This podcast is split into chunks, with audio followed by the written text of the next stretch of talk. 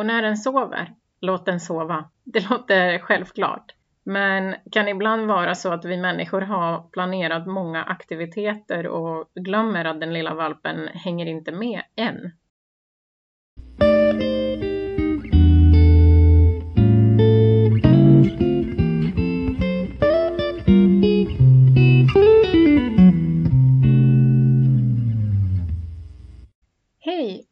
Välkomna tillbaka till Valpkonsultpodden. Mitt namn är Petra Harvankova och det är jag som är valpkonsulten. Hej kära hundägare, eller du som kommer att bli en snart. Du som äger din första valp, men även du som har haft många hundar. Jag vill idag ge er mina fem bästa tips till en nybliven valpägare. När du kommer hem med valpen, ta 3 till 5 dagar av vila. Låt valpen vila, bekanta sig med allt nytt hemma hos dig. Både ditt hem men också alla i familjen. Det är oftast så att valpen har kort innan den kommit till dig fått en vaccination. Det tar ungefär 2 till 3 veckor för kroppen att bilda nya antikroppar. Så några dagar av vila hemma är bra även av immunologiska skäl. Efter dessa 3 till 5 dagar hemma så är det dags att upptäcka världen. Första 12 veckor av valpens liv är så kallad socialiseringsperiod av valpens utveckling. Det är då viktigt att låta valpen bekanta sig med allt i vårt människovärld som den kommer att få träffa i sitt vuxna liv. Så introducera olika sorters saker, texturer, ljud, olika människor, män, kvinnor, gamla, unga, barn, kommunaltrafik, bussar, tåg, tunnelbana, restauranger, kaféer, gallerior. Och bästa sättet att göra detta på i början är i en ryggsäck eller en bärsjal eller en bärsele för hundar. Då har du valpen i en sådan framme på din mage och går till stan eller dit, det, det ställe du vill introducera. Där åker du alla möjliga transportmedel med valpen på magen och har med dig din valps favoritgodis. Och matar ofta med dina godis.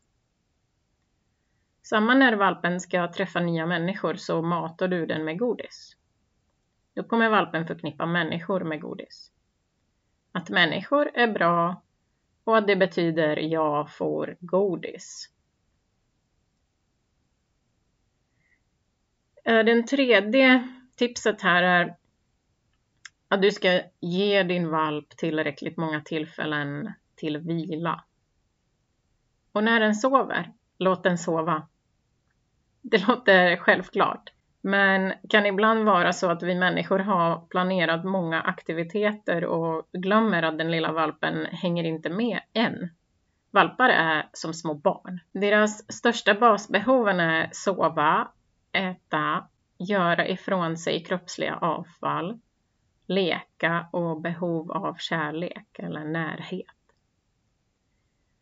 Din valp ska ha möjlighet att flera gånger under dagen lägga sig på en trygg plats och kunna sova eller vila helt ostörd. Tips nummer fyra. Skaffa en lekkompis till din valp. Det är viktigt för hundar att kunna umgås med sina artfränder. Träffa andra hundar för att bemästra hundkommunikation. De lär sig genom att leka och umgås med varandra. Genom leken tränar de också sina kroppar på ett sätt som är naturligt för dem. Man kan träffa andra valpar på en valpkurs. Så kolla närmaste valpkurs i ditt område. Och om din hund spontant kommer hitta en annan valp att leka med på kursen, ta kontakt till ägaren och försök att ses utanför valpkursen. Så att valparna kan leka fritt och ofta. Ett annat ställe man kan träffa nya hundvänner är på ett hundrastområde eller hundrastgård. Det finns minst hundra av dem här i Stockholm. I alla fall väldigt, väldigt många. De är överallt. Det ser för mig, jag kommer från ett land där hundarna kan de har tillgång till alla ställen. Nästan. Det finns till och med i Prag finns det till och med bio dit man kan ta med sig sin hund. Så alltså, nej men hundar är generellt mer välkomna överallt. Så det finns inga hundrastgårdar. Jag har aldrig sett det innan jag flyttade till Stockholm. Och för mig var det konstigt, jaha, ska man behöva gå till ett avstängt område där man kan låta hunden springa löst?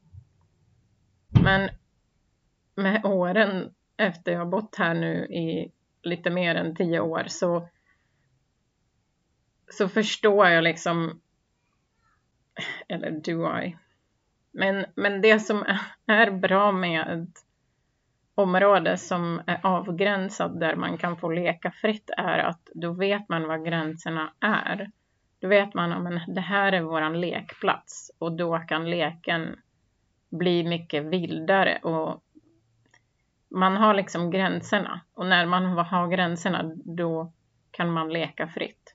Och man kan också åka till Hundöarna i Drottningholm. Det kan man också träffa hundvänner och låta din valp leka fritt med andra hundar. Det är typ eh, två, två, tre öar som finns i Drottningholm som är avsedda för hundar det är väldigt fint där och det var flera år sedan jag var där när jag brukar åka dit med mina hundar. Och då var det superfint, superfint ställe för hundar att leka med varandra. Man kan också behålla eller hitta kontakten med valpens syskon om några av dem bor nära dig. Du kan få fråga uppfödaren om hen kan fråga de andra som köpte valp av henne om de är intresserade av kontakt. Den sista femte tipsen är Ge din hund möjlighet att utföra sina naturliga beteenden. Som att söka föda, tugga, gräva, sniffa, söka eller slicka. Att låta hundar få utlopp för sina naturliga beteenden heter berikning. Man kan leka olika söka föda-lekar. Du kan gömma maten på olika ställen i ditt hem. Börja så hunden ser att du går och gömmer foder eller godisbitarna. Och sen gör det svårare och svårare. Så till exempel så att till slut ska din hund söka i mörker. Det finns hur många som helst olika möjliga varianter på att gömma foder.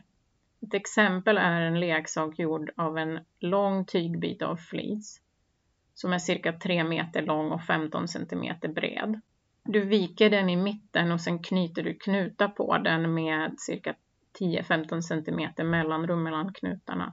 Knyt inte för hård för att sen gömmer du foder eller små, små godisbitar i vecken i tyget i knuten och mellan knutarna. Du kan också använda yogamattan. Rulla ut den och lägg bitar av foder i små flisbitar som du lägger på mattan som du sedan rullar ihop. Så din hund behöver sedan klura ut hur den kan rulla ut mattan för att foderbitarna ska komma fram. En annan typ av berikning är en nosande promenad. Åk med din hund långt, långt bort till ett ställe i naturen som ni aldrig varit på. Ha din valp på en lång lina och låt den gå fritt så den kan sniffa, lukta, springa av sig, rulla på marken, gräva och göra allt det som hundar gör. När ni är ute på en nosande promenad, försök att avstå från att kalla in din hund eller be den att göra något så att den får all den tiden för att utöva de beteenden som är naturliga för hen. Tack så mycket att ni lyssnade. Hoppas att detta kommer vara er till hjälp.